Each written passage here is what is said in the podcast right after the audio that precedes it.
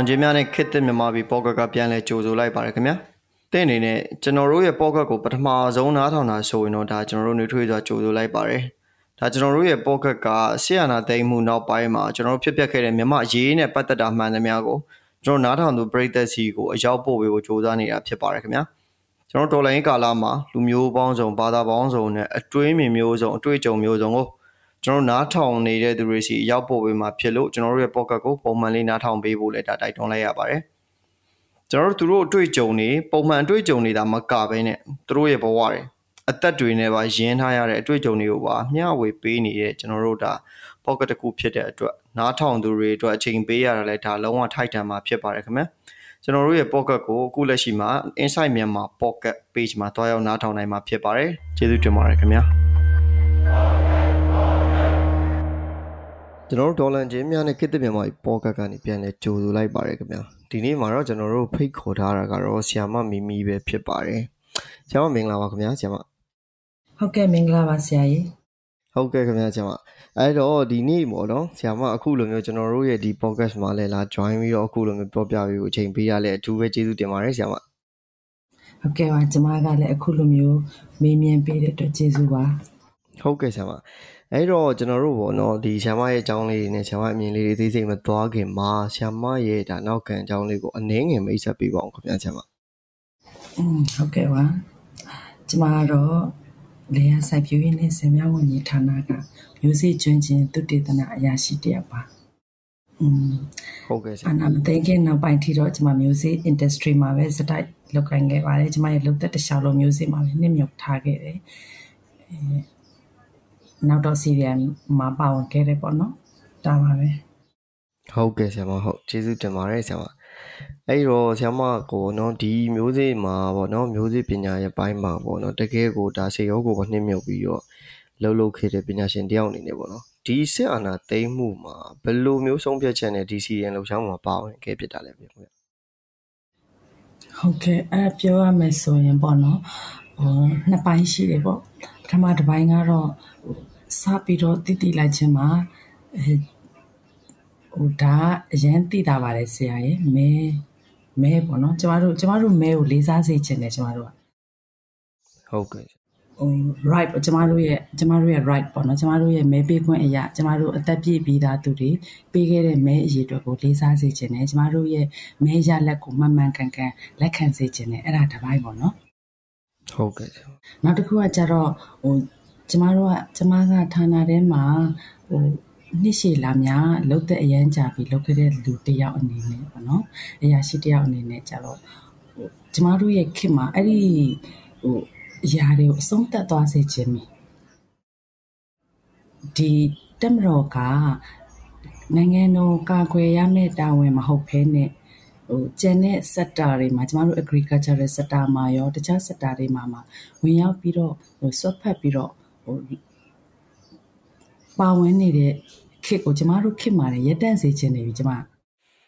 ဟုတ်ကဲ့ကျမတို့ agriculture sector မှာဆိုရင်လည်းကျမတို့ agriculturist တွေနဲ့ seed specialist တွေနဲ့အဲ plant pathologist တွေနဲ့ပဲ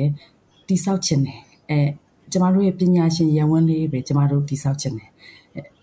သူတို့ရဲ့သူတို့အုပ်ချုပ်ပြီးတော့သူတို့ဟိုဒီတသွေးတတန်တမိတ်ပေါ့ အဲ့ဒီလိုမျိုးအောက်မှာကျမတို့ကအလုံးမလုံးနိုင်ဘူးပေါ့ဆရာရဲ့အဓိကကတော့ဟိုပညာဟိုကျမတို့ရဲ့ပညာတွေကိုအသုံးချခွင့်မလိုဘဲနဲ့ဟိုသူတို့ပြောသူတို့ဒီအမိန့်အတိုင်းပဲခေါင်းကြီးနားထောင်ပြီးတော့အမိန့်အတိုင်းပဲဆောင်ရွက်နိုင်ရင်ဟိုရှင်တန်ခွင့်ရမယ့်ခေတ်ကိုကျမတို့ပြန်မသွားချင်တော့ဆရာအဲ့ဒါကြောင့်ဟုတ်ကဲ့ဆရာကျေးဇူးတင်ပါတယ်ဆရာမတေးသေးချာချာလေးကိုစနစ်တကျနဲ့ဒါကိုယ့်ရဲ့ ဟိုဘယ်လိုပြောမလဲသူများလို့လောက်တာမျိုးမဟုတ်ဘူးねကိုယ့်ရဲ့စိတ်ထဲမှာတကယ်ဆုံးဖြတ်ချက်ပြပြသားသားရှိပြီးသားနဲ့ပေါ့နော်ဒီလိုမျိုး CDN လောက်ရှားမှုမှာပါဝင်ပေးတဲ့ဆရာမတို့လည်းတကယ်ကျေးဇူးတင်ပါတယ်အဲ့တော့ခုနဆရာမပြောသွားတဲ့ထဲမှာပါတာပေါ့နော်တကယ်တော့ကျွန်တော်တို့ဒါဟိုကျမ်းမြင့်ပြောရရင်ပေါ့နော်စီရေးနဲ့လေယာဆိုင်ပြောရစားဘာမှမအပ်ဆက်တဲ့အရာမျိုးပေါ့နော်အဲ့တော့ကျွန်တော်နည်းနည်းစိတ်ဝင်ကြတာကသူတို့ကဘယ်လိုပုံစံမျိုးနဲ့ဆရာမတို့ဌာနတွေထဲမှာအဲ့လိုပါဝင်ပတ်သက်နေရလဲဆရာမဒီစေဘတ်ဆိုင်ရာက သူတို့ပေါ့နော်ဟိုကျမတွေ့သလောက်ပေါ့နော်ကျမတွေ့သလောက်သူတို့ကအုတ်ချုပ်ရေးဘိုင်းပေါ့ admin ပေါ့နော် admin ဘိုင်းမှာဆိုရင်သူတို့နေရာတွေများတယ်ဥပမာတစ်ခုခုကြောင်းပေါ့ဟိုတိုက်ပွဲမှာတစ်ခုခုတန်ရရတယ်ဟိုယာတို့ကြီးကြီးတွေကဖြစ်မယ်အဲ့ဒါဆိုရင်သူကအလူအလျောက်လက်ထောက်ညွှန်မှုဖြစ်စေညွှန်မှုဖြစ်စေအဲ့ဒါမျိုးနဲ့ဌာနမှာသူကလာပြီးတော့ဟို admin ဘိုင်းကို လာတယ်အုပ်ချုပ်ရေးဘိုင်းကိုဝင်နေပေါ့နော်အဲ့ဒီခါမှာဆုံးဖြတ်ချက်တွေချတဲ့အခါမှာတွေ project တွေ implementation တွေလုပ်တဲ့အခါမှာဆိုရင်ကိုကျွမ်းကျင်တဲ့ background ရှိတဲ့သူမှသာလေမှန်ကန်တဲ့ဆုံးဖြတ်ချက်ကိုချနိုင်ပြီးတော့တောင်တည်တွေတက်တကယ်အကျိုးရှိတဲ့ project တွေကို implement လုပ်နိုင်ပါသူတို့ရဲ့ background က ministry military background ဖြစ်နေတဲ့အခါရောက်တော့ကျမတို့ရဲ့ဒီကြည့်တဲ့ shootout နဲ့သူတို့ရဲ့ shootout နဲ့မတူနိုင်ဘူး ဒါပေမဲ့သူတို့ခေါင်းထဲမှာလည်းအမြဲတမ်းစွဲနေတာတခုရှိတယ်သူတို့ဒီအရာအလုံးကိုလုံနိုင်တယ်ဆေးရုံကိုအုပ်ချုပ်ရမယ်ဆိုရင်လက်ဆရာဝန်တွေကိုအုပ်ချုပ်နိုင်တယ်ပညာရေးတက္ကသိုလ်ကိုအုပ်ချုပ်တဲ့နေရာသွားမယ်ဆိုရင်လည်းပညာရေးတက္ကသိုလ်ကဆရာဆရာမတွေကိုအုပ်ချုပ်နိုင်တယ်ကျမတို့မျိုးစေ့ပညာရှင်တွေနေတဲ့နေရာမှာလာပြီးအုပ်ချုပ်မယ်ဆိုရင်လေကျမတို့လိုမျိုးမျိုးစေ့ပညာရှင်တွေကိုသူတို့ကစီမံအုပ်ချုပ်နိုင်စွမ်းရှိတယ်လို့ သူတို့ခေါင်းထဲမှာထင်တာပေါ့နော်သူတို့ရဲ့စတားတွေကိုသူတို့စစ်မြေပြင်မှာစစ်တမ်းရမှာအုပ်ချုပ်တယ်လို့မျိုးအုပ်ချုပ်လို့ရမယ်ထင်တာပေါ့ဟုတ်ကဲ့ဆရာတော်တော်လေးကိုဒါကျွန်တော်တို့အမြင်နဲ့ပြောတော်တော်လေးကိုခလေးဆန်တဲ့အမြင်လို့ပဲပြောရမှာပေါ့နော်ဆရာဟုတ်ပါတယ်ဟုတ်ကဲ့ဆရာမကျေးဇူးတင်ပါတယ်ဆရာမအဲ့တော့ဒါစစ်တပ်ကနေပြီးတော့ဒီကျွန်တော်တို့ရဲ့ရပ်ဖက်ဖွဲ့စည်းရေးပေါ့နော် တခြားဒီကျွန်တော်တို့ဝန်ကြီးဌာနတွေမှာကို ပြောမယ်ဆိုရင်ဒါဓာတ်ရိုက်ကြီးကိုဒါဘာမှဟိုအစစ်အဆေးမင်းမင်းမရှိဘဲနဲ့ပေါ့နော်အကြီးပိုင်းယာရုတွေမှာဒါသူတို့ကလည်းဝကြီးအုပ်ထားတယ်လို့ကိုပြောလို့ရတာပေါ့နော်ဆရာမဟုတ်ပါတယ်ဟုတ်တယ်ဟုတ်ကဲ့ဆရာမကျေးဇူးတင်ပါတယ်ဆရာမတေချာလဲကျွန်တော်သဘောပေါက်ပါပြီအဲ့တော့ဆရာမခုနပြောတယ်ဆရာမကမျိုးစိကျွမ်းကျင်ပညာရှင်ဆိုတော့ဗောနော်ကျွန်တော်သိချင်တာလေးလည်းမေးချင်ပါတယ်ဆရာမ အဲ့ဒါကကျွန်တော်တို့မြန်မာနိုင်ငံကမျိုးစာကောင်းတယ်လို့ပြောလို့ရတယ်ဗောနော်မျိုးစာကောင်းတဲ့မြေတွေပေါ်တယ်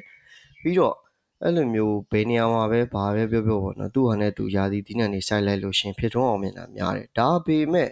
ဒီကျွန်တော်တို့ပတ်ဝန်းကျင်ကစိုက်ပျိုးရေးနိုင်ငံတွေထဲမှာဆိုရင်တော့အရန်ကိုနောက်ကျနေတယ်ပေါ့နော်ဤပညာပိုင်းတွေမှာရောအရေးအသွေးပိုင်းတွေမှာရောပေါ့နော်အဲ့ဒါဘာကြောင့်လဲဆရာမဗျဥပမာထိုင်းတို့ BNN တို့ဆိုစိုက်ပျိုးရေးမှာရှေ့အရန်ရောက်တာလေ ကျွန်တော်မြန်မာနိုင်ငံကဘာကြောင့်အဲ့လိုမျိုးအရေးအသွေးတွေဤပညာပိုင်းတွေအရန်နောက်ကျတာလဲခင်ဗျာဟုတ်ကဲ့ဟိုဘာကြောင့်လဲဆိုတာမှာအချက်တွေအများကြီးရှိပေမဲ့ကျမအနေနဲ့ကတော့ကျမနှစ်ခုလောက်ပဲပြောချင်တယ်အရန်သိတာတဲ့အချက်ပေါ့နော်အရန်သိတာတဲ့အချက်ပထမတစ်ချက်ကဈေးကွက်ပါဈေးကွက်ကိုဗဟိုထိန်းချုပ်မှုများပြီးတဲ့ခါကျတော့ကျမတို့တောင်သူတွေရတဲ့ရတိုက်တဲ့ဟိုအရန်မျက်စိထဲမှာမြင်တာတဲ့အရာတခုဆိုရင်စံစဘာပေါ့ဆရာရဲ့ဟုတ်ကဲ့ခင်ဗျ စံစဘာမှာဆိုသွန်းအားစုတွေများတယ်ရာသီဥတုတန်တွေခံရတယ်ဒါပေမဲ့လေသမားကလေသမားလက်ထဲမှာစဘာရောက်ပြီဆိုတဲ့အခါတော့ဈေးကောင်းမရဘူးဒါကဈေးကွက်ခိုင်မာမှုမရှိဘူးဆိုတဲ့သဘောဒါပေမဲ့ဈေးကွက်ခိုင်မာမှုမရှိဘူးလို့ပြောပေမဲ့ကျမတို့နိုင်ငံကဟိုနိုင်ငံတော်စံကိုကျွန်မမှတ်မိတဲ့ data အရာကိုပြန်ပြောမယ်ဆိုရင်ပေါ့နော်အာဒီ2020 April လလောက်မှာကလေးက ဒီစီဝါကူတန်းရဲ့ MITS ရဲ့နောက်မြန်မာနိုင်ငံစံစပါအသင်းချုပ်ရဲ့ပေါင်းပြီးတော့ကြတော့အရန်ဆန်ဝယ်ယူတာတွေစစ်ဆေးတာတွေတိုးလောက်တာတွေလက်ခံတာတွေလုပ်တယ်ရှင်စပြီးတော့နော်ဟုတ်ကဲ့အဲ့တော့ဒီကိုဗစ်အဲအဲ့ဒီမှာဆိုလို့ရှိရင်ဒီပြပကိုပြပပုတ်ကုံကိုစံတင်ပို့ခြင်းတဲ့ကုန်တယ်ကြီးတွေကဒီနိုင်ငံတော်ရဲ့အရန်ဆန်ဆယ်ရာခိုင်နှုန်းရောင်းပေးရတယ်။ဒါကကျွန်မသူတို့ရဲ့မူဝါဒပေါ့နော်စီဝါကူတန်းနဲ့ဒီကျွန်တော်တို့ဒီစိုက်ပျိုးရေးရဲ့မူဝါဒပေါ့နော်။ ဟုတ်ကဲ့။အဲ့ဒီခါမှာကျွန်တော်တို့ COVID-19 ကာလကိုရောက်တဲ့အခါမှာကျတော့ဒီကျွန်တော်တို့ဌာနနဲ့ဒီစီဝါကူတန်းကနေပြီးတော့ကျတော့ဒီဂျွန်လာဂျွန်လာမှာပေါ့နော်ဂျွန်ဇူလိုင်အောက်ဂတ်စ်လတော့မှာဆိုလို့ရှိရင်တော့ဒီနိုင်ငံတော်ရဲ့အရန်ဆန်ဝယ်ယူမှုကို900ခိုင်နှုန်းပဲတွန်းကုံကုံပို့လွှာလက်မခံခင်မှာနှစ်တက်သမ900ခိုင်နှုန်းသွင်းပြီးတော့ကုန်ပို့လွှာပို့ပြီးတဲ့အခါမှာကျန်တဲ့နှစ်တက်သမ900ခိုင်နှုန်းကိုသွင်းဆိုပြီးကျမတို့ဖြည့်လျှော့ပေးခဲ့တယ်။အဲ့ဒီမှာဆိုလို့ရှိရင်ဂျွန်လာ ဂျွန်လာအထိပေါ့နော်ဂျွန်လာမှာဆိုလို့ရှိရင်အဲရန်ကုန်မှာဆိုရင်တန်3000ခွဲမန္တလေးမှာတန်3000နဲ့နေပြည်တော်မှာတန်1000အဲ့ဒီတလထဲမှာကိုစုစုပေါင်း3900ဝယ်ယူရရှိခဲ့တဲ့နိုင်ငံတော်အရန်စံပေါ့နော်ဟုတ်ကဲ့အဲ့တော့ဆရာအဲ့ဒါအဲ့ဒါရဲ့ရာခိုင်နှုန်းအဲ့ဒါကရာခိုင်နှုန်းပဲကျမတို့ဝယ်ယူရရှိတဲ့ရာခိုင်နှုန်းပဲအဲ့တော့အဲ့ဒီလောက်ရဲ့အဲ့ဒီပြပကိုတင်ပို့တဲ့ ရာခိုင်နှုန်းရဲ့10ရာခိုင်နှုန်း3000တန်ချိန်3900ဆိုတာ10ရာခိုင်နှုန်းကျမတို့အရင်ဆန်လက်ခံရရှိတာအဲ့တော့ပြပကိုဘယ်လောက်တင်ပို့လဲဆရာအဲ့ဒီကိန်းကနန်းကိုမျက်စိထဲမှာမြင်လာမှာနော်ဟုတ်ပါပါကျမတို့ဈေးကွက်ကမရှိတာမဟုတ်ဘူးတောင်သူတွေကိုဦးစားတောင်သူတွေကို oriented လောက်ထားတဲ့ဈေးကွက်မရှိတာပေါ့နော်အစိုးရကလည်းဈေးကွက်ကိုတောင်သူတွေအတွက်အကျိုးအမြတ်ရရှိမယ်လို့လုံးဝအာမခံချက်မပေးနိုင်သေးတာ ဒါတွေကကျမတို့စူးစမ်းစေစူးစမ်းနေတော့ပေါ့နော်2020ကာလများမှာတော့ဒါကဈေးကွက်အပိုင်းဈေးကွက်မှာ technology ကို transfer လုပ်ရတာကမခဲရင်ဘူးဆရာကျမတို့ကိုယ်တိုင်လည်းကွင်းထဲမှာတောင်သူတွေနဲ့လက်တွေ့လုပ်ခဲ့တယ်။ကျမတခြားစိုက်ပျိုးရေးမှာတိုးတက်နေတဲ့နိုင်ငံတွေအများကြီးကိုကျမ seminar တွေ workshop တွေသွားခဲ့တယ်။လက်တွေ့တွေအဲ့ဒီက technology တွေကိုကျမကိုယ်တိုင် transfer လုပ်ခဲ့ပြီးတောင်သူတွေကြားတဲ့ကိုလက်တွေ့ဖြန့်ဝေနေတဲ့အလုပ်ကိုလည်းလုပ်နေတာဖြစ်တဲ့အတွက်ဒီနီးပညာရဲ့တစ်ခုကိုကိုယ်နိုင်ငံကိုတည်ဆောင်လာပြီးတောင်သူတွေကြားကိုပြန်ပွားအောင်လုပ်ရတာကမခဲရင်ဘူးဆရာအဲ့ဒီနီးပညာနဲ့ရလာမဲ့အသည့်အပွင့်တွေကိုဈေးကောင်းပေးပြီးဝယ်ယူမဲ့ဈေးကွက်ကိုကျမတို့တောင်သူတွေနဲ့ချိတ်ဆက်ပေးဖို့ရလိုနေတာတကယ်လို့သာကျမတို့ကသူတို့စိတ်တိုင်းကြ ပေးနိုင်မဲ့သူတို့ဈေးကောင်းရနိုင်မဲ့ဈေးကွက်ကိုကျမတို့ဘက်ကအာမခံချက်ရှိတယ်ဆိုရင်အထွတ်နှုံးကောင်းမှုရအောင်ကျမတို့ကတိုက်တွန်းစရာမလိုဘူးတောင်သူကသူ့ကိုယ်သူသူ့ဆန္ဒအလျောက်ကိုထွက်တိုးစေမယ့်နည်းလမ်းတွေကိုအသုံးပြုပြီးသူတို့အသည့်အပွင့်တွေအများကြီးတိုးလာအောင်လုပ်လိမ့်မယ်ဆရာ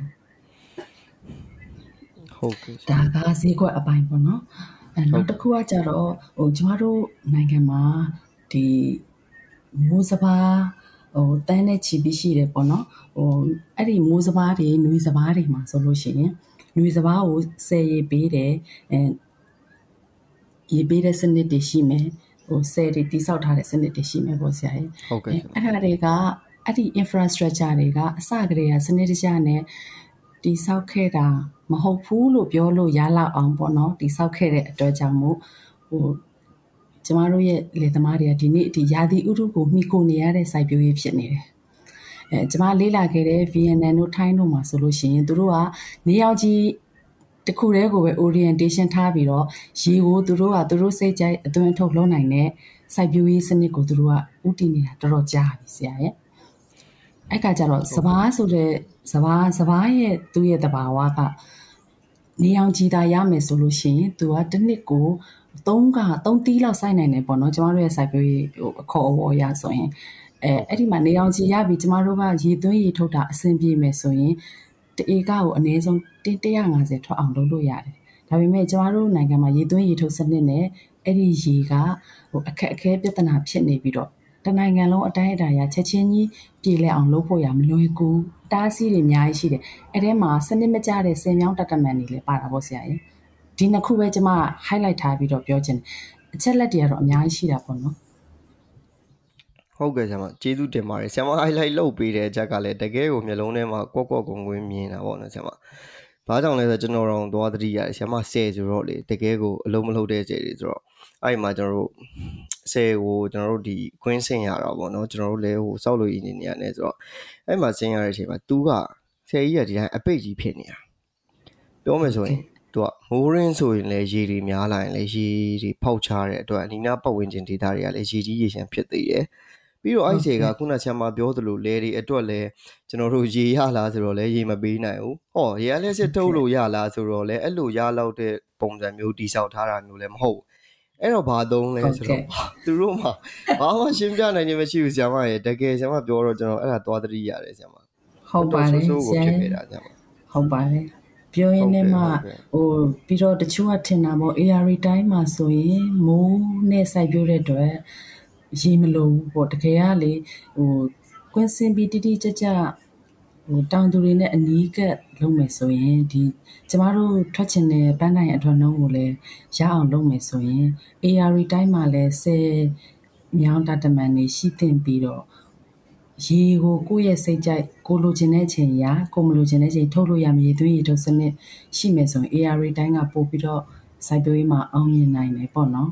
ဟိုအခုမြင်နေရတာကဟိုတစ်နှစ်တစ်နှစ်ဆိုလို့ရှိရင်လိုမျိုးရေကြီးတယ်နင်းမြုပ်သွားတယ်ပေါ့နော်ဟိုဘီလီယံနဲ့ချီပြီးတော့ကျမတို့2020 2015နဲ့2020အတွင်းပိုင်းမှာဆိုရင်အဲကုစားမှုအစီအစဉ်တွေနဲ့တောင်းသူလေသမားတွေကိုရောချီးတွေပါတယ်နိုင်ငံတော်ပေးခဲ့ရတာရှိတယ်ပေါ့နော်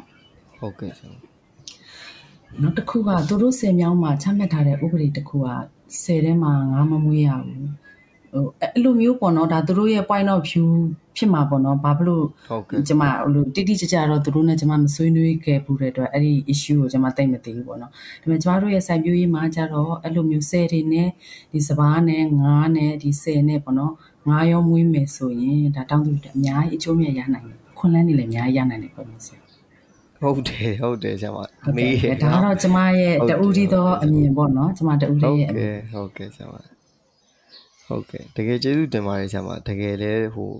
တကယ်ထိရောက်တဲ့ဒါလူအများလဲသိချင်နေတဲ့ဟာမျိုးတွေဖြစ်မှာပါဆရာမတကယ်ကျေးဇူးတင်ပါတယ်အဲ့တော့ဆရာမခုနပြောသွားတဲ့အချိန်မှာပါတာပေါ့နော်တကယ်ဒါကျမတို့က ဒီပုံစံပေါ့နော်ပိုပြီးထိရောက်မဲ့ပုံစံကိုဒါတဖြည်းဖြည်းပြောင်းယူနေတယ်ဆိုတော့ပေါ့နော်ကျွန်တော်ဒီတရားမဝင်စစ်အာဏာမသိငင်ကဆိုရင်ဟိုဆရာမတွေစိုက်ပျိုးရေးခန္ဓာပေါ့နော်မြန်မာနိုင်ငံစိုက်ပျိုးရေးကဏ္ဍကဘလို့အလားအလာတွေရှိလဲဆရာမဥပမာထားပါတော့2025 2030အစရှိတဲ့ဖြစ်ဘလို့အလားအလာတွေရှိလဲဆရာမထင်ဘလို့လားလားလေးဆိုကျမကမျိုးစေ့ကျွမ်းကျင်တဲ့ sea industry ကလာတာဆိုတော့ကျမတို့ရဲ့ sea industry ကိုပဲကိုစားပြုတ်ပြီးပြောပြမယ်ပေါ့နော်ဟိုကျမတို့စိုက်ပျိုးရေး channel မှာ ဟိုအခုကျမတို့ရဲ့ဒီမျက်မှောက်ခေတ်မှာကျမတို့ခေတ်မှာစပြီးတော့ထူထောင်တဲ့မျိုးစေ့ channel တွေရှိတယ်လို့ပဲဟိုကိုလိုနီခေတ်မှာကလေးကဒီ British Empire ကစပြီးတော့မျိုးစေ့ချပေးခဲ့တဲ့မျိုးစေ့ channel ရှိတယ်ရှင်အဲ့ဒီမှာဆိုလို့ရှရင်ဟဲဟိုးရှိမယ်အောင်ပန်းရှိမယ်မကွေးရှိမယ်အဲနေပြည်တော်မှာဆိုကြောက်ဆယ်မှာရှိမယ်အဲ့ဒီမှာဆိုဟဲဟိုးချံကိုသူတို့ကရည်ရွယ်ချက်ကပြောင်းမျိုးစေ့ထုတ်ဖို့ရည်ရွယ်ခဲ့တာကြောက်ဆယ်က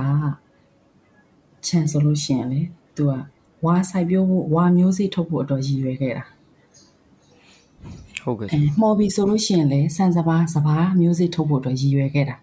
အဲအဲ့လိုမျိုးပေါ့ဟဲဟိုမျိုးစေ့ချမ်းမှာဆိုရင်သူရှိတဲ့ဧကက maybe ကျမကျမအခုမှတ်မိသလားပေါ့နော်ထောင်ချီတစ်ထောင်လောက်တော့ရှိမယ်ဧကအဲအဲ့ဒီမှာတကယ်အခုကျမတို့ရဲ့မျက်မှောက်ခေတ်ကိုရောက်တဲ့အချိန်မှာဟဲဟိုချမ်းရဲ့ area ဧက90ပဲရှိတော့တယ် ဟာဆရာမဘာဖြစ်လို့လဲကျန်တာတွေကပဲရောက်သွားတာလဲဆိုတော့ကပုဂ္ဂလိကကိုတဲ့နိုင်ငံတော်အစိုးရကနေပြီးနှစ်ရှည်ငှားထားလို့ပါအဲ့တော့အဲ့ဒီဧက90မှာကျွန်တော်တို့ကဟေဟိုချန်ပြောင်းမျိုးစစ်ထုံနေတယ်အဲ့ဒီပုဂ္ဂလိကကိုငှားထားတဲ့ချန်ကသူဘာလုပ်နေလဲဆိုတော့ဘာမှလုပ်မနေအဲ့ဒီလိုမျိုးပေါ့နော်ဟိုဟုတ်ကဲ့ဆရာမ ဟိုဒီဒီဒေတာမှာပြောင်းမျိုးထုတ်ဖို့ဒီဒေတာမှာစပားမျိုးထုတ်ဖို့ဒီဒေတာမှာဝါမျိုးထုတ်ဖို့ရည်ရွယ်ပြီးတော့ထားတဲ့ music channel ရဲ့ area တွေတော်တော်များများကလည်းအဲပုဂ္ဂလိကလက်ထဲကိုအငှားချထားတယ်နှိရှိဖြစ်နေတယ်အဲအဲ့ဒီမှာအဲကျမတို့တောင်သူတွေနဲ့တွေ့ရင်ကြတော့သူ့မျိုးကိုကိုကဖလှယ်တယ်ကိုမျိုးကိုသူကဖလှယ်တယ်ဆိုတော့ မျိုးစေ့အနေထားပဲရှိနေပြီးတော့ကျမတို့ရဲ့မျိုးစေ့ဌာနကြီးရဲ့ sea industry ကတောင်သူတွေလက်ထဲကိုရောက်အောင်မထိုးဖောက်နိုင်တဲ့အခါကျတော့ကျမတို့ရဲ့အဲစိတ်မှာ guilty ဖြစ်တယ်ပေါ့ကျမတို့ကပဲအတုံးမကျလို့လားကျမတို့တောင်သူတွေထိအောင်မရောက်သွားရောက်မသွားနိုင်လို့လားအဲမျိုးစေ့မလုံလောက်တဲ့ပြဿနာကဘာဖြစ်လို့လဲကျမတို့ရဲ့မျိုးစေ့ရှိနေပြီးသားဒီဧကတွေကနေပြီးတော့ပို့ပြီးထွက်အောင်မျိုးစေ့ကိုတိုးထုတ်ပေးရမှာလားဒါမှမဟုတ်လို့ရှိရင် public private partnership တွေလုပ်ပြီးတော့ကျမတို့က company တွေနဲ့ပူးပေါင်းပြီးတော့မျိုးစေ့ကိုအောင်မြင်အောင်ထုတ်ရတော့မှာလားအဲအဲ့လိုမျိုးတွေဖြစ်တယ်ပေါ့နော်ဟိုဒါတွေကအဲ့ဒီဟာတွေကိုကျမတို့ကပြန်ရဖို့စူးစမ်းနေတယ်ခု2015 2020အတွင်းမှာဟိုဘယ်လိုပင်ဟိုကျမတို့ရဲ့အထက်က sensitive issue ဒီလယ်သမားရဲ့မြေက sensitive issue ဖြစ်တယ်လယ်သမားရဲ့မြေတွေပြန်ရဖို့ပဲအရေးကြီးတယ်လို့ပြောပေမဲ့ကျမရဲ့ technological point of view ကပြောရမယ်ဆိုနိုင်ငံတော်မြေဒီလည်းပြန်ရဖို့အရေးကြီးတယ်ကျမတို့ဒီပြောင်းမျိုးစေ့ထုတ်ဖို့ခြံဒီပြောင်းမျိုးစေ့ထုတ်ဖို့ပဲဖြစ်ရမယ်ဝါမျိုးစေ့ထုတ်ဖို့ခြံဒီဝါမျိုးစေ့ထုတ်ဖို့ပဲဖြစ်ရမယ်ပန်းဖြေစခန်းတွေတို့ဟို tracking package store တွေတို့လုတ်တဲ့နေရာတွေဖြစ်သွားလို့မရဘူးဆရာရဲ့အဲ့ဒါအဲ့ဒါပါဟုတ်ကဲ့ဆရာမဟုတ်ကဲ့ ဟုတ်ကဲ့ဆရာမတကယ်လေတကယ်ဟုတ်တယ်ဆရာမနော်သူတို့ဒီလက်ထက်မှာတချို့ဟိုဟာဆိုရင်ကျွန်တော်တို့အရင်တုန်းကပေါ့နော်ရူးအရာမပြောင်းနိုင်တဲ့ဟိုပြောမယ်ဆိုမြေငှားကကိုပေါ့နော်သိလားတအေက6ချက်တို့ဘာတို့ညာတို့ကိုငွေကြေးပိုင်းဆိုင်ရာကိုရူးအရာမပြောင်းခဲ့တဲ့အချိန်မှာ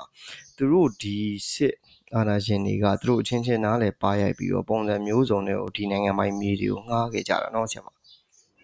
ဟုတ်ကဲ့ဟုတ်ပါတယ်ဟုတ်နှစ်ရှည်အငှားချခဲ့ကြတာပေါ့နော်ဟုတ်ကဲ့ဆရာမဟုတ်ကဲ့ကျေးဇူးတင်ပါတယ်ဆရာမဘာပဲပြောပြောပေါ့နော်တကယ်တော့ဒါကျွန်တော်တို့အကုန်လုံးကတည်ထားတာစိတ်မှန်းနဲ့မဟုတ်ပဲနဲ့တကယ်ကိုစနစ်တကျကြောက်ပေါ့နော်ဒါအများပြည်သူအထူးသဖြင့်လက်တာလေသမားတွေမြန်မာနိုင်ငံစိုက်ပျိုးနိုင်ငံတွေဆိုတော့အထူးသဖြင့်ဒါတောင်းတလေသမားတွေအတွက်ကိုပေါ့နော်ရေးရှိမှာအများကြီးလားလာရှိခဲ့တယ်လို့ပြောလို့ရတာပေါ့နော်ကျွန်တော် ဟုတ်ပါတယ်ဟုတ်တယ်ဟုတ်တယ်ကျမတို့ပေါ့နော်အများကြီးပေါ့စီမံအများကြီးတွေစီမံကိန်းတွေအများကြီးဆွဲထားခဲ့ကြတယ်ဟိုကျမတို့တိုးတက်အောင်တော့လွတ်တော့မယ်ဆိုတော့ယုံကြည်ချက်တွေအပြည့်နဲ့ပေါ့ဆရာရဲ့ဟို one of the reason CDM ကလည်းလေအဲ့ဒါပဲပေါ့နော်ကျမတို့အိမ်မက်တွေကိုရိုက်ချိုးလိုက်တယ်လို့ဖြစ်သွားတယ်ကျမတို့လွတ်တော့မဲ့အတက်တရုံနဲ့လုံမဲ့အစီအစဉ်တွေအားလုံးကိုရက်တန့်လေထဲမှာရက်တန့်သွားတယ်ပေါ့နော်အဲအဓိကလည်းအဲ့ဒါလည်းပါတယ် ဟုတ်ကဲ့ဆရာမကျေးဇူးတင်ပါတယ်ဆရာမအဲ့တော့အခုလက်ရှိမှာသူတို့တရားမဝင်စစ်အာဏာသိမ်းပြီးနောက်ပိုင်းပေါ့နော်ကျွန်တော်ဒီနွေဦးဒေါ်လာရင်းကာလာပေါ့အဲ့မှာဆိုရင်ဆရာမကျွန်တော်တို့ဒီစိုက်မြန်မာနိုင်ငံရဲ့စိုက်ပျိုးရေးကဏ္ဍကဘယ်လိုပုံစံမျိုးကြီးနဲ့ဆက်သွားနေရလို့ဆရာမမြင်လဲခင်ဗျာအခုအာဏာသိမ်းပြီးပေါ့နော်ဟုတ်ကဲ့ဟုတ်တယ်ဆရာမဒီ3နှစ်တာကာလမှာဆိုရင်ဘယ်လိုပုံစံဖြစ်သွားမယ်လို့ထင်လဲဒီ3နှစ်တာကာလမှာဆိုရင်ကျမဟိုပေါ့နော် သိရတလောက်လက်လက်လန်းမိတလောက်ပေါ့နော်ပြောရမယ်ဆိုရင်တော့ဟိုနယ်တွေမှာအထူးသဖြင့်စကိုင်းနယ်မှာပေါ့နော်စကိုင်းနယ်မှာစိုက်ပျိုးရေးဦးစီးဌာနကတရင်ကိုတော့ဖတ်ရင်ဆရာတရင်တစ်မျိုးတွေ့ရမယ်အဲ့ဒီစကိုင်းနယ်ကရွာကိုသွားပြီးတော့ယူမယ်ဆိုတဲ့တင်တစ်မျိုးရမယ်အဲစကိုင်းနယ်ကတောင်သူတွေပို့တဲ့တင်ကိုကျွန်မအရင်ပြောပြမယ်မဆိုင်နိုင်ဘူးမပြောနိုင်ဘူး မိရှုခံရတယ် ပြေးနေရတယ် စားစရာမရှိဘူး စုပြီးတော့ သူ့ရှိတာကိုစား ကိုရှိတာသူစားပြီးတော့ စစ်ကြောင်းထိုးရင် ပုံနေရတယ်နေရနန်းစီရီယာဝန်ထမ်းတွေ သူတို့တောင်မှ သူတို့တာဝန်ကြတဲ့နေရာတွေမှာ မရှိတော့ဘဲနဲ့ နေရာဌာနကို စွန့်ခွာပြေးပြီးတော့လာစာကိုကေပေးနဲ့ ထုတ်နေရတယ် ဒါက တောင်းသူတွေပေးတဲ့တဲ့ပေါ့ အဲ့တော့စိုက်ပျိုးရေးဦးစီးဌာနကတင်တဲ့တဲ့မှာဆိုရင်တော့ဘယ်မျိုးနယ်မှာဗာမျိုးစေ့တွေစိုက်ပျိုးဖို့အတွက်တောင်းသူတွေကိုဘလောက်ပေးအပ်ခဲ့တယ်ဘယ်မျိုးနယ်မှာတော့မိုးစမဧကပနဲ့တိတ်စိုက်ပျိုးပစ္စည်းတယ်အဲ့လိုပေါ့ဆရာရဲ့တဲ့ကနှစ်မျိုးရှိတယ်ဟုတ်ကဲ့ ဟုတ်ကဲ့သူတို့ရဲ့တုံးစံပေါ့နော်ကျွန်တော်ဒါကတော့ပေါ့နော်ဟုတ်ပါသူတို့ရဲ့စိတ်ထဲမှာကဒီဟိုကဏ္ဍရဲ့ဘိုင်းဆိုင်ရာအလိုက်တွေကဆက် run နေတယ်လို့ဒါဖြစ်အောင်မို့နော်ဒါပေမဲ့ဒီခေတ်ကကျွန်တော်တို့ဒါ IT ခေတ်ဖြစ်တယ် internet ခေတ်ဖြစ်တယ်ဆိုတော့ဒါတွေကသတင်းတွေကဖိထားလို့လုံးဝမရတော့ပါဘူးဆရာမကျေးဇူးတင်ပါတယ်ဆရာမဟုတ်ကဲ့ဟုတ်ကဲ့ဆရာမဆရာမခုနပြောရတဲ့မှာပေါ့နော်ဒါလုံးဝကိုမဆိုင်နိုင်မပြိုးနိုင်ဖြစ်တာပေါ့နော်ကျွန်တော်တို့ဆိုလဲ တချို့ဟိုဆိုရင်လဲဒါတစ်ဖက်ကလည်းအဲ့ဒေတာစကိုင်းဒီမကွေဒေတာတွေမှာရှိတယ်ပေါ့နော်တခြားကျွန်တော်တို့အညာချီရောပေါ့နော်ချီရက်လုပ်ငန်းတွေပါဆိုလဲခုနကကျွန်တော်ပြောသလိုရှစ်ချောင်းထိုးရင်ပြေးလိုက်ဒီလိုပဲလမ်းမှာရက်လိုက်အဲ့လိုမျိုးတွေလောက်ကြတဲ့ဒီမှာဒီလိုချီရက်တဲ့ဟာမျိုးလေးတောင်မှမလုံနိုင်တော့ဒီလိုလရှည်ပေါ့နော်စိုက်ရပြိုးရတဲ့လုပ်ငန်းဆိုဘလို့မှဖြစ်နိုင်မှာမဟုတ်ဘူးပေါ့နော်ဒါတော်တော်လေးကိုစိုးရတဲ့အနေထားပေါ့ဆရာမရဲ့အဲ့တော့ဆရာမ အခုဒီနှစ်မှာလဲပေါ့နော်ဆရာမလည်းတည်မှာပါဆရာမကဒါ site view ရေးဆိုအများကြီးပိုသတိထားမှာပေါ့နော်ကျွန်တော်တို့တက်ဒီနှစ်မိုးကုန်ကန်ဒီမှာဆိုရေအရန်ကြီးလိုက်သေးရပေါ့နော်ကျွန်တော်ဒီပဲခူးရန်ကုန် area တခြားနေရာတော်တော်များများမှာလဲရေမြုပ်ပျက်စီးရတယ်တော်တော်များတယ်ပေါ့နော်အဲ့တော့ကျွန်တော်တို့တာမန်လူတွေးသလိုဒီပျက်စီးမှုအမှစဘာစီတက်တာဆိုင်စဘာရှားပါတာအပြင်တခြားသောဘယ်လိုမျိုးထိရောက်မှုတွေတက်ရောက်မှုတွေလည်းရှိနိုင်သေးတယ်ဆရာမရှိတယ်သူကအမ် ခုနှစ်ခုနှစ်ခုလောက်ရှိမယ်ကျမစိတ်ထဲ highlight ဖြစ်နေတာပေါ့နော်ဟိုအများကြီးပျက်စီးနိုင်တယ်ဟိုပထမတစ်ခုကသီးနှံတွေပျက်စီးမယ်ပေါ့နော်အဲအဲ့ဒီ data မှာရှိတဲ့သီးနှံတွေအကုန်လုံးစဘာပြောင်းပဲရှိသမျှအကုန်လုံးပြောရမယ်ဆိုအဓိကအဓိကသီးနှံတွေလို့တောင်ပြောလို့ရတယ်အဲ့ဒါတွေအကုန်လုံးပျက်စီးသွားမယ်အဲပျက်စီးသွားပြီးတော့ကျတော့ရက်တော်တော်ကြာကြာဒီရေပြန်မကြမချင်း သူတို့ရဲ့ဒီလေယာလုပ်ငန်းတွေလုပ်နိုင်မှာမဟုတ်ဟိုခဏခဏအသိဉာဏ်တွေပျက်စီးသွားပြီးတော့လေယာလုပ်ငန်းခဏရပ်တန့်သွားမယ်အဲနောက်ပြီးတော့သူတို့ကျွန်တော်တို့တောင်သူတော်တော်များများကလေယာစိုက်ပျိုးလို့ရင်မွေးမြူပါတွဲပြီးလုပ်တယ်အဲ့ဒီမှာသူတို့မွေးမြူထားမဲ့ဒီဒီတိနဲ့အတွက်အကူအညီဖြစ်မဲ့ဒလိဆန်တွေရောနောက်ဒီစီးပွားရေးအရာမွေးမြူထားဒလိဆန်တွေအဲ့ဒီဒလိဆန်တွေလည်းဆုံးရှုံးမယ် ဟုတ်ကဲ့နောက်တစ်ခုကဒီကျမတို့ရဲ့ဒီစိုက်ပျိုးရေးရှုထောင့်နဲ့ပြောမယ်ဆိုရင်ဒီမြေကြီးတွေက erosion နဲ့ဒီပေါ့နော်တိုက်စားသွားပြီးတော့ပါသွားတဲ့အခါမှာမြေစီးဒီအပေါ်ရန်မြေစီးမြေလွှာအာဟာရရှိတဲ့မြေတွေပါသွားမယ်ဟိုကောင်းတဲ့မြေစီတွေပါသွားမယ်ပေါ့နော်ဒီရေတိုက်စားမှုတွေမှာဟိုဒီဒီကမ္ဘာအပေါ်ဆုံးတလက်မလောက်ပဲရှိတဲ့ဒီ swine ဆိုတဲ့မြေစီလွာလေးဖြစ်ဖို့ရာနှစ်ပေါင်းအများကြီးကြာတယ်နော်ဒါပေမဲ့ရေတိုက်စားပြီဆိုရင်သူကတရက်ပဲ တရက်ပဲပြီးလို့ရှိရင်ကိုမလိုလားအပ်တဲ့နေရာမှာကြာသွားပြီး sedimentation သွားဖြစ်တဲ့အခါကြာလို့ရှိရင်ဟိုမလိုတဲ့နေရာမှာသွားပုံမယ်နှုံးနေပါတွေသွားပုံနေမယ်ပေါ့နော်ကိုကိုရဲ့လေတွေကမြေစီမြေနှစ်တွေကကြာပါသွားမယ်ဒါကမြေစီလောဘက်ကပေါ့နော်နောက်တစ်ခုကကိုတိဆောက်ထားတဲ့ infrastructure တွေပေါ့နော်ဒီဟို agriculture နဲ့ပတ်သက်ပြီးတော့ music ကိုတောင်တောင်သူကြီးတွေဆိုရင်လည်း music ကိုတောင်နေရှိမယ်သူ့လယ်နဲ့ဒီသူကုန်းထုတ်တဲ့နေရာအတွက်အသုံးပြုဖို့ကုန်းထုတ်လမ်းတွေဖောက်ထားတာတွေရှိမယ်အဲ့ဒါတွေအကုန်ပျက်စီးမယ် တိုးလောင်တဲ့နေရာတွေတိုးလောင်ကိုတောင်တွေပျက်စီးသွားမယ်တဲ့တဲ့လမ်းတွေပျက်စီးသွားမယ်နောက်တစ်ခုကဒီရှေ့မှာပြောခဲ့တဲ့စိုက်ဖို့ပြိုးဖို့ပြင်ဆင်ဖို့ရအတွက်ကိုဒီရေပြန်ကြအောင်စောင့်ရမယ်ပြီးရင်ဒီဖုံးသွားတဲ့အဲဒီမကောင်းတဲ့ဟာတွေကိုဖယ်ရှားရမယ်အဲ့ခါကျတော့ तू ကစိုက်ဖို့ပြိုးဖို့အချိန်နောက်ကျတဲ့အတွက် तू ကရိတ်သိမ်းမှုမှာလည်းနှောင့်နှေးသွားပြီးတော့ကျတော့သူ့ရဲ့တီးနိုင်ရဲ့ cycle ကိုပြတ်သွားတဲ့အတွက်ကြောင့်မို့ तू က ဘာသွားဖြစ်မလဲဆိုတော့စားနပ်ရိက္ခာပြတ်တောက်မယ်အဲ့ဒီ data မှာအဲ့တော့စီးပွားရေးအရာဘယ်လိုဖြစ်လာမလဲဆိုလို့ရှိရင်အဲ့ဒီ data မှာ supply chain တွေပါတယ်ညာတွေတစ်ခုလုံးကိုကြီးလိုက်မယ်ဆိုလို့ရှိရင်ခံစားရတာဒီဟိုလယ်သမားတယောက်တည်းမဟုတ်တော့ဒီ agriculture နဲ့ပတ်သက်ပြီးတော့လုပ်နေတဲ့စိုက်ပျိုးရေးစေးဆိုင်တွေကုမ္ပဏီတွေကုန်သည်တွေနောက်ဒီပစ္စည်းကိုသုံးဒီလေယာကထွက်တဲ့လေယာထွက်ပစ္စည်းကိုသုံးပြီးတော့ food processing လုပ်တဲ့လုပ်ငန်းတွေ ဟိုအစားအသောက်ပြုပြင်ထုတ်လုပ်တဲ့လုပ်ငန်းတွေအဲ့ဒါတွေအကုန်လုံးကြီးတစ်ခုလုံးထိခိုက်သွားဒါကကျမတို့ဟိုကနဲ့ဟိုစီးပွားရေးနဲ့ပတ်သက်ပြီးတော့ပြောမှာနော်အဲအဲ့ဒါကဒါက short term ပဲရှိသေးတာပေါ့နော်နောက်ရေရှည်ရေရှည်မှာကျတော့ဘာတွေဖြစ်လာမလဲဆိုလို့ရှိရင်ဒီလေသမားတွေက recover ဖြစ်ဖို့ရခဲရင်းမယ်သူတို့သူတို့တီထောင်ထားတဲ့ဟို infrastructure တစ်ခုခုပျက်စီးသွားမယ်ဒီ soil fertility ပျက်စီးသွားမယ်ဆိုရင်ဒါနှစ်နဲ့ချီပြီးတိဆောက်ထားတာလေဆရာရဲ့တရထင်းနဲ့တိဆောက်ရတာမဟုတ်တော့ဟုတ်ပါတယ်အဲ့ဒီမှာလေသမားကအစိုးအဆုံးထိခိုက် recover ဖြစ်ဖို့အကြဆုံးကလေသမားဖြစ်မယ်ပြီးလို့ရှိရင်ကျမတို့ရဲ့ပြည်သူတွေကအစားအစာမလုံလောက်မှုနဲ့စီးပွားရေးအရာစိန်ခေါ်မှုတွေကြုံတွေ့ရမယ်ပေါ့နော်အဲဒါကအကုန်လုံးရင်ဆိုင်ရမယ့်အခက်အခဲဖြစ်တယ်လေသမားတူတဲ့ရင်ဆိုင်ရမယ့်အခက်အခဲမဟုတ်ဘူး ကျမတတိထားမိတာတော့အဲ့ဒါပေါ့နော်ဟုတ်ကဲ့ဆရာမကျေးဇူးတင်ပါတယ်ဆရာမဘာပဲပြောတာဆရာမဒီလိုတေချာရှင်းပြတော့လေကိုကြိုးတင်ပြင်ဆင်ထားမယ့်ဟာတွေလည်းသိသွားတာပေါ့ဆရာမဟုတ်ကဲ့လက်ရှိအနေထားရဲ့ပေါ့ပေါ့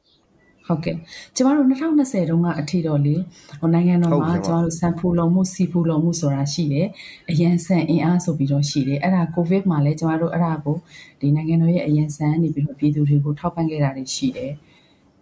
ပေါ့နော်ဟိုအခုတော့ကျမကျမသတင်းနဲ့လက်လန်းမိတလောက်တော့မတွေ့မိတလို့ပဲအဲ့ဒီအရန်ဆန်ကိစ္စနော်ဆရာမရဲ့ဟိုရှိပြီးသားဟာတော်မှာပေါ့နော်သူတို့အတွက်ကိုကျိုးအတွက်ထုံးသူတို့အတွက်ရသလောက်အကုန်ချစ်ကုပ်ယူနေတဲ့ဒီလိုဆရာနာရှင်မှာပေါ့နော်အခုလိုမျိုးသူတို့ကဟိုတရမဝင်တဲ့အာနာတိန်ထားတယ်ပေါ့နော်ဒီလိုမျိုးအနေထားမှာဆိုလို့ရှင်ဘလို့မှဘလို့စိတ်မျိုးနဲ့မှဒါပြည်သူကိုလှည့်ကြည့်မှာမဟုတ်ဘူးလို့တော့ဒါကျွန်တော်ကတော့မြင်မိတာပဲဆရာမကြီး ဟုတ်ဟုတ်ပါတယ်ဟုတ်တယ်ဟုတ်တယ်သူတဖို့ပဲသူကြည့်မှာပါဟုတ်တယ်ဟုတ်တယ်ဆရာမအဲ့တော့ဘောနော်ကဲအဲ့တော့တကယ်ပြောရရင်တော့ဗောနော်ဆရာမတို့ပညာရှင်အမြင်ရဖြစ်ကျွန်တော်တို့တာမန်ပြည်သူမြင်ရပဲဖြစ်ဖြစ်ဆိုလက်ရှိမှာဆိုလို့ရှိရင်တော်တော်လေးကိုကဏ္ဍပေါင်းဆောင်ကဆုပ်ယုပ်ပြီးတော့မြန်မာနိုင်ငံရဲ့ပြည်သူလူထုကလည်းတော်တော်လေးကိုကြက်တဲခက်ခဲနေပါတော့ အဲ့တော့ဆရာမဆိုလို့ရှင်လဲပေါ့နော်တောက်လျှောက်ကိုတိကြနဲ့ပတ်သက်တာတွေပြီးရင်ကိုယ့်ရဲ့စိုက်ပျိုးရေးနဲ့ပတ်သက်တာမျိုးတွေနဲ့ပတ်သက်တာတွေကိုတကယ်တည်တည်ချာချာကိုပြန်တင်ပြန်မျှဝေတက်တဲ့လူမျိုးပြန်မျှဝေနေတဲ့သူမျိုးဖြစ်တဲ့အတွက်ကျွန်တော်ဒီအကယ်ဒီ new dollar လာအောင်မြင်ပြီးနောက်ပိုင်းပေါ့နော်အဲ့လိုဆိုရင်ကျွန်တော်တို့ဒါဆ iam တို့စိုက်ပျိုးရေးကဏ္ဍကဘယ်လောက်ထိရေးပါလာပြီးတော့ဘယ်လောက်ထိတိုးတက်သွားနိုင်တယ်လို့မှန်းထားလဲဆ iam ဘာတွေအရင်ဆုံးစလုပ်အောင်မလို့ထင်တယ်ဆ iam အကယ်၍ကျွန်တော်နိုင်သွားပြီ ကျမတို့လေကျမမျက်စိထဲမှာကျမရောက်ဖူးတဲ့ထိုင်းရွာတရွာအမြဲတမ်းမြင်ထိုင်းရွာတရွာဆိုတာဒီလိုစနစ်နဲ့တိဆောက်ထားတဲ့ရွာပေါ့နော်ဒါပေမဲ့အဲ့ဒီအချိန်အဲ့ဒီကာလတုန်းကထိုင်းကကြေးရွာတော်တော်များများကအဲ့ဒီစနစ်ကိုကောင်းတယ်ဖော်နေတာဆရာလည်းသတိထားမိမှာပါ2008မှာ IMF ပြိုလဲတဲ့အခါမှာ financial crisis ဖြစ်တယ်ဟုတ်အဲ့ခါကျတော့သူတို့ကဟိုတွင်းကုန်တွေကဈေးကြီးတယ်ဆရာရဲ့သူတို့ ပို့ကုန်ပို့နိုင်တာကလည်းတိတ်အမဲမများတဲ့ခါရတော့ထိုင်းဆိုရကဘာလုပ်တယ်လဲဆိုရင်ဒီကျေးရွာမှာလူအယောက်900ရှိရင်လူအယောက်900စာကိုဒီကျေးရွာမှာလုံလောက်အောင်ထုတ်လုပ်တယ်တခြားနေရမှာမစားဘူးအဝေးကြီးကတည်မစားဘူး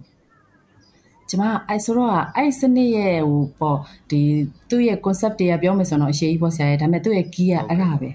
အဲအဲ့ခါကျကျမတို့အခုပေါ့နော်အဲ့ဒါကအခုဒီပြန်လဲထူထောင်ရေးကာလမှာမဟုတ်ဘဲနဲ့အခုကာလမှာကိုဟိုကျင့်သုံးနိုင်မယ်ဆိုရင်တော့အဆင်ပြေတယ်ဒါပေမဲ့အဲ့ဒါကဂျန်တဲ့ဒေတာတောင်သူပဲအဆင်ပြေမယ်ကျမတို့စကိုင်းတိုင်းကတောင်သူတွေကတော့အဲ့ဒီစနစ်ကိုမကျင့်သုံးနိုင်ဘူးဘာဖြစ်လို့လဲဆိုတော့သူတို့ကစိုက်ချိန်ပြိုးချိန်မရှိဘူး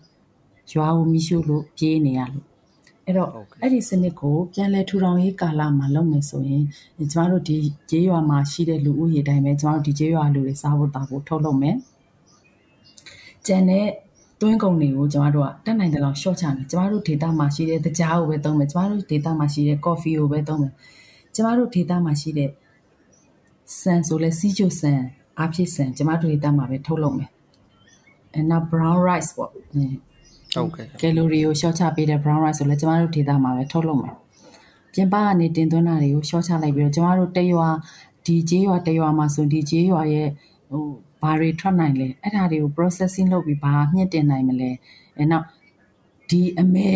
ဒီထုတ်ကုန်အမဲတစ်ကဒီကျေးရွာဘာထွက်နိုင်လဲအဲအဲ့လိုမျိုးတွေပေါ့နော်စိုက်ပျိုးရေးကစရမယ်လို့ကျမတို့မြင်ပါတယ်ပြန်လဲထူထောင်ရေးကာလမှာဆိုစိုက်ပျိုးရေးကဥဆောင်တဲ့ကဏ္ဍဖြစ်လာမယ်လို့မျှော်လင့်တယ်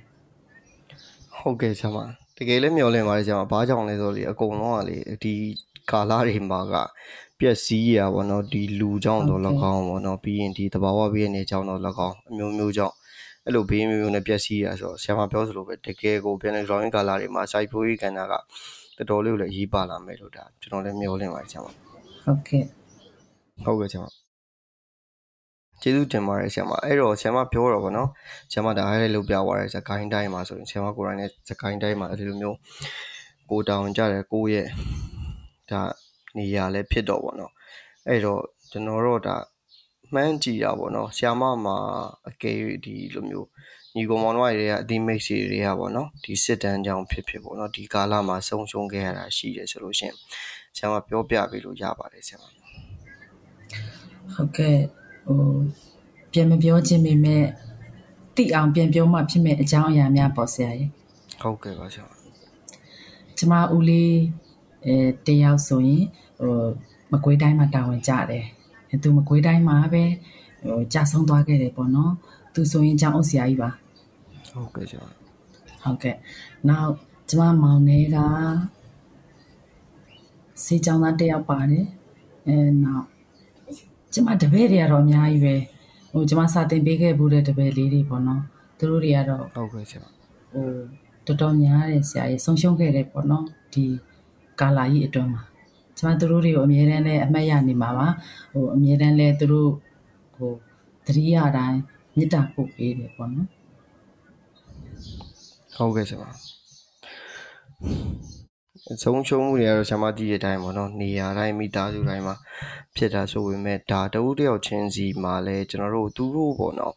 အမှန်တိုင်းပြောရင်ဒီကာလမှာဆိုတော့တကယ်သူတို့ရဲ့ဘဝရဲ့ပညာရေးတွေနောက်အနာဂတ်တွေကိုမငဲ့ကွက်ပဲနေပေါ့နော်ဒီဆရာနာရှင်ပြုတ်ကြရေးပေါ့နော်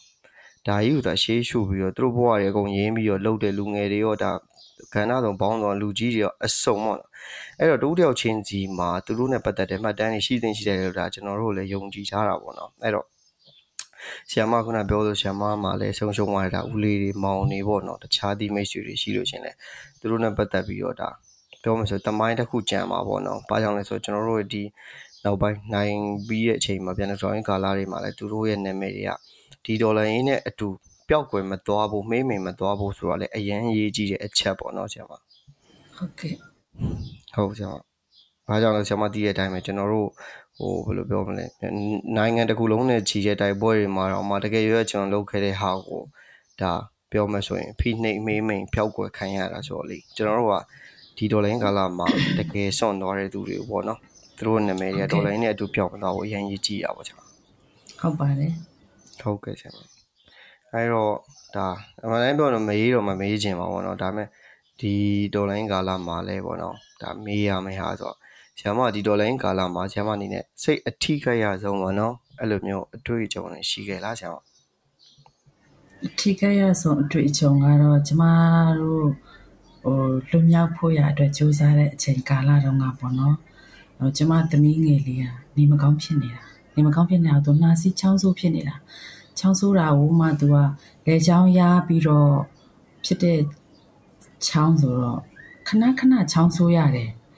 သူအတန်ထွက်ရင်လည်းအကျယ်ကြီးထွက်တယ်ဒါပေမဲ့ကျမတို့အဲ့အချိန်မှာအဲ့ဒီတနေရာကိုအတန်တိတ်ပြီးဖျက်ရမယ့်နေရာဖြစ်နေတယ်ဆရာရဲ့ကျမတို့လုံခြုံရေးအတွက်ပေါ့နော်အဲကျမအဲ့ဒီအချိန်မှာကျမသမီးငယ်လေးကငယ်သေးတယ်စကားစပြောတဲ့ခါစားပဲရှိသေးတယ်ဒါပေမဲ့ကျမသူ့ကိုပြောတယ်သမီးအတန်မထွက်နဲ့နော်တိတ်တိတ်လေးနေဆိုတော့သူလုံးဝချောင်းမဆိုးကျမတို့3နာရီလောက်ကြာတယ်အဲ့ဒီခရီးကို သူလုံးဝအတန်မထွက်ဘူးအဲ့ဒီဟာကကျမအတွက်ကိုလုံးဝစိတ်ထိခိုက်ဆုံးတစ်ခုပါပဲဟိုကျမသမီးလေးရဲ့တိတက်နားလည်နိုင်မှုနဲ့သူဒီဟာကိုလက်ခံလိုက်ရတာသူသူ့ရဲ့သူခံစားရမယ့်စိတ်ဝေဒနာကိုကျမမြင်နေရတယ်ဟုတ်ကဲ့ဆရာဒါကြီးကကျမတို့တောင်မှနော်ဟိုနှာချေချင်တာတို့ချောင်းဆိုးချင်တာတို့ကလေအရန်အောက်ထားလို့မရဘူးလေနော်ဟုတ်ပါတယ် အေးပေါ့ဆရာခလေးတယောက်အနေနဲ့ပေါ့နော်သူဘယ်လောက်ထိဟိုလက်ရှိအခြေအနေပေါ်မှာသူ့ရဲ့နားလဲမှုပေါ့နော်နားလဲမှုနဲ့ဒါသူ့ရဲ့အကြောက်တရားလည်းပြောလို့ရတာပေါ့သူ့ရဲ့ဒါ ဟုတ်ကဲ့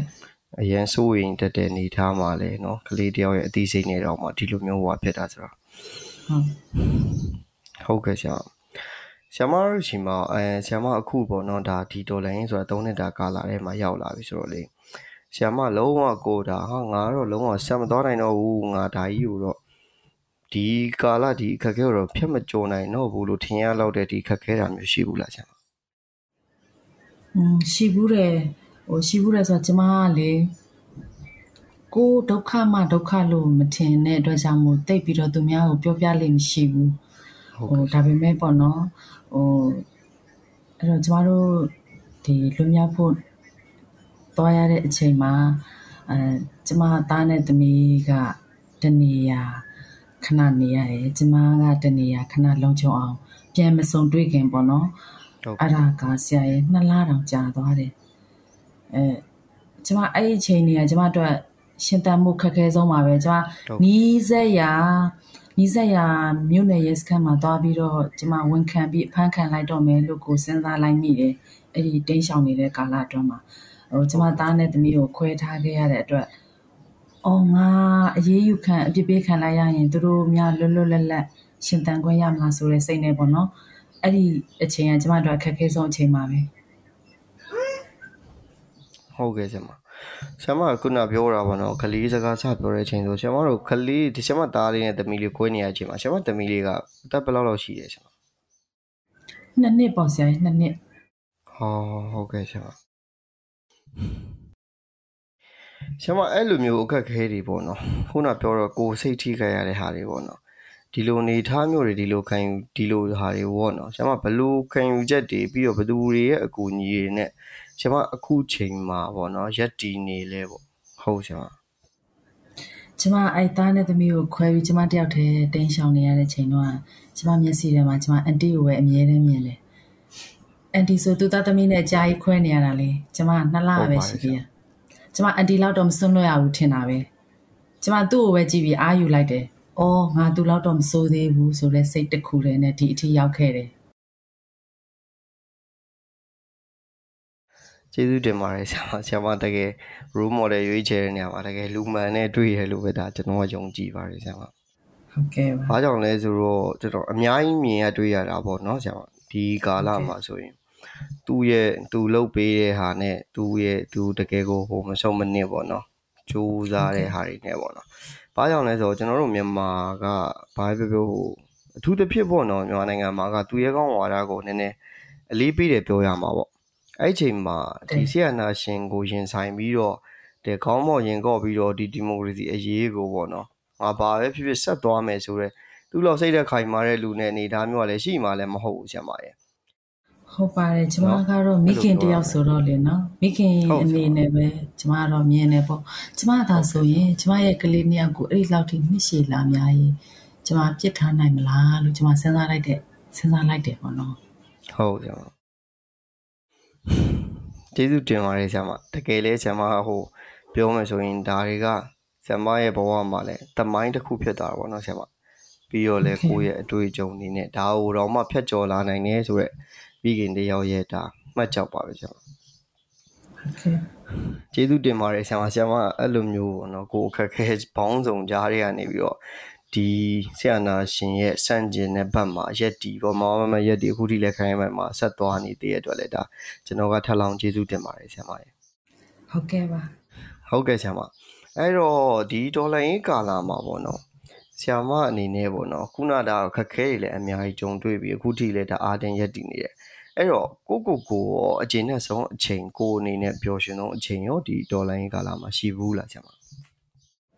ရှိဘူးတယ်ရှိဘူးတယ်ဆိုကျမဒီတက္ကသိုလ်တစ်ခုကိုပေါ့နော်ကျမ scholarship လျှောက်တယ်လျှောက်တော့ကျတော့ကျမမှာကဟို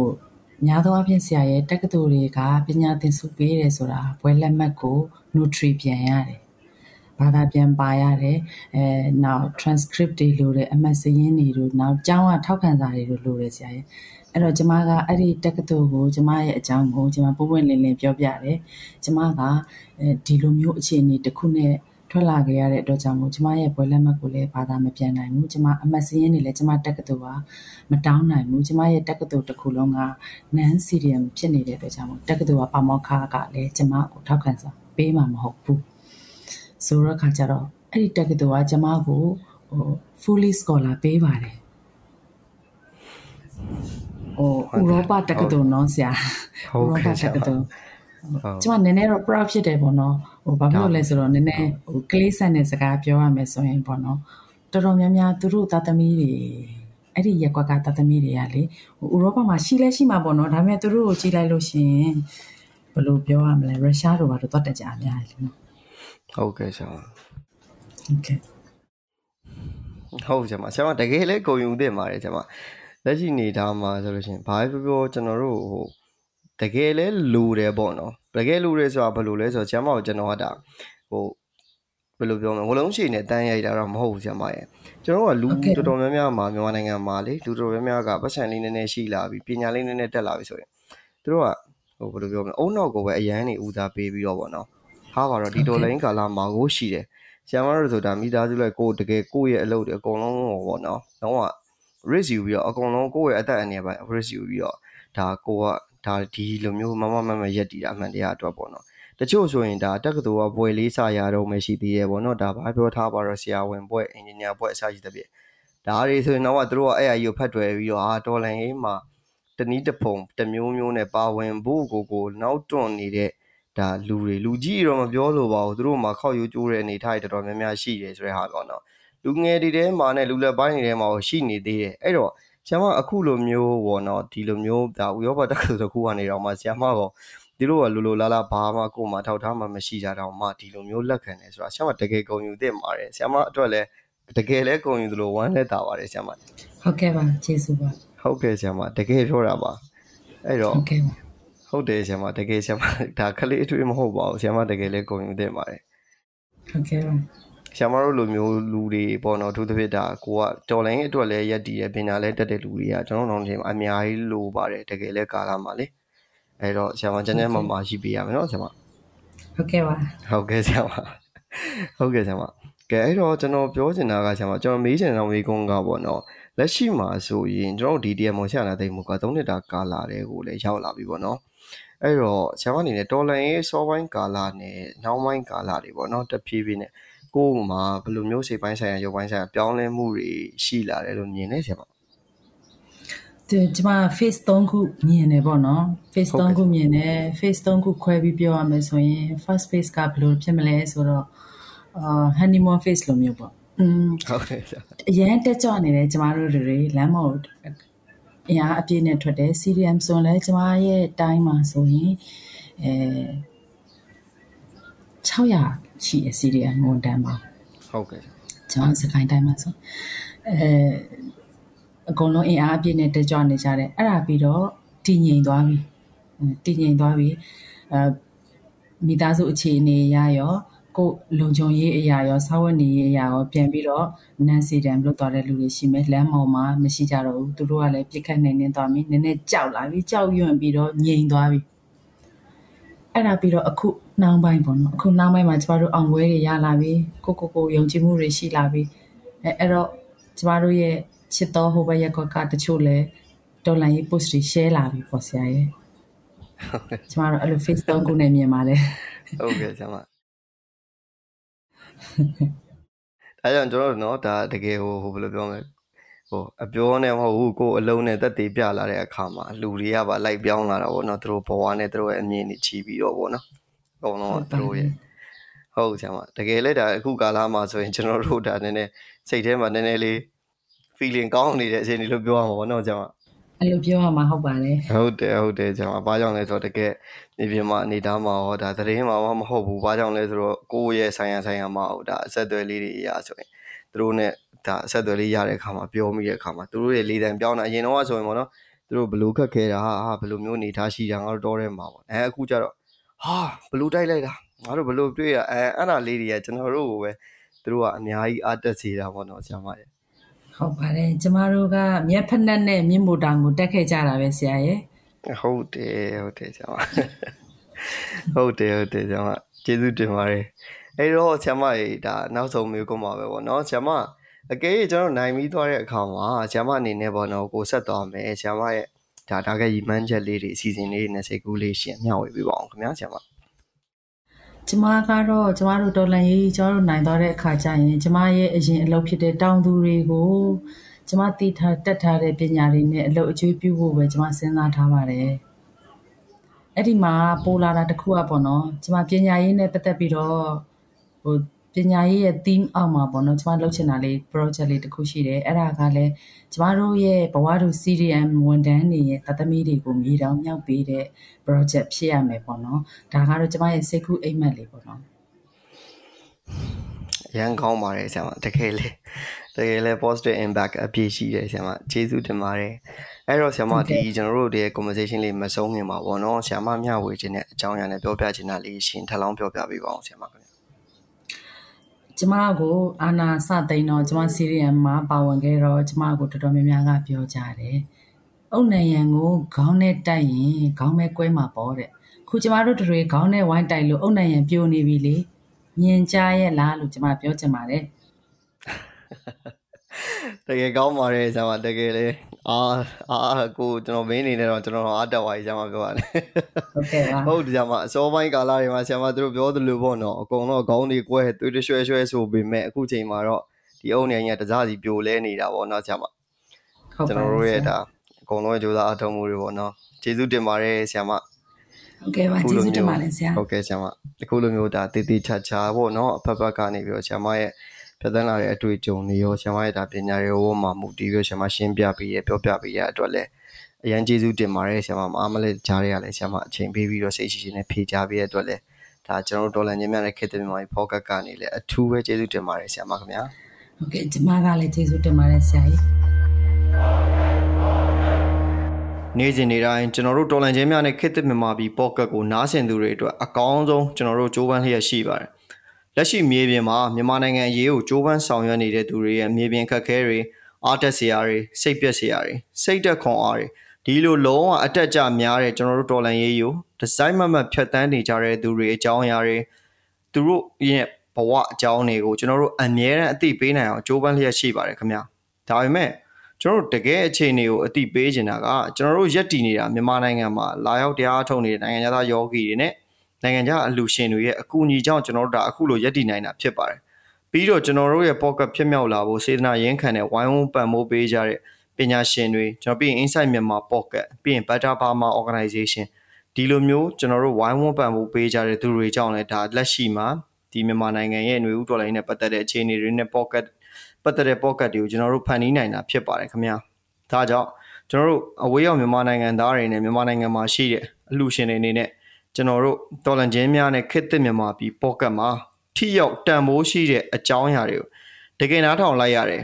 တကယ်ရှာဖွေတွေ့ရှိတယ်ဆိုလို့ရှင်ကျွန်တော်တို့ကိုအသေးမှတ်ပြုတ်ရင်းနဲ့ဝိုင်းဝန်းပံ့ဖို့ကူညီဖို့အတွက်ဒါကျွန်တော်တောင်းဆိုပါရခင်ဗျာကျွန်တော်တို့ကိုအကယ်၍လူဒန်းကျင်နေဆိုရင်ကျွန်တော်တို့ရဲ့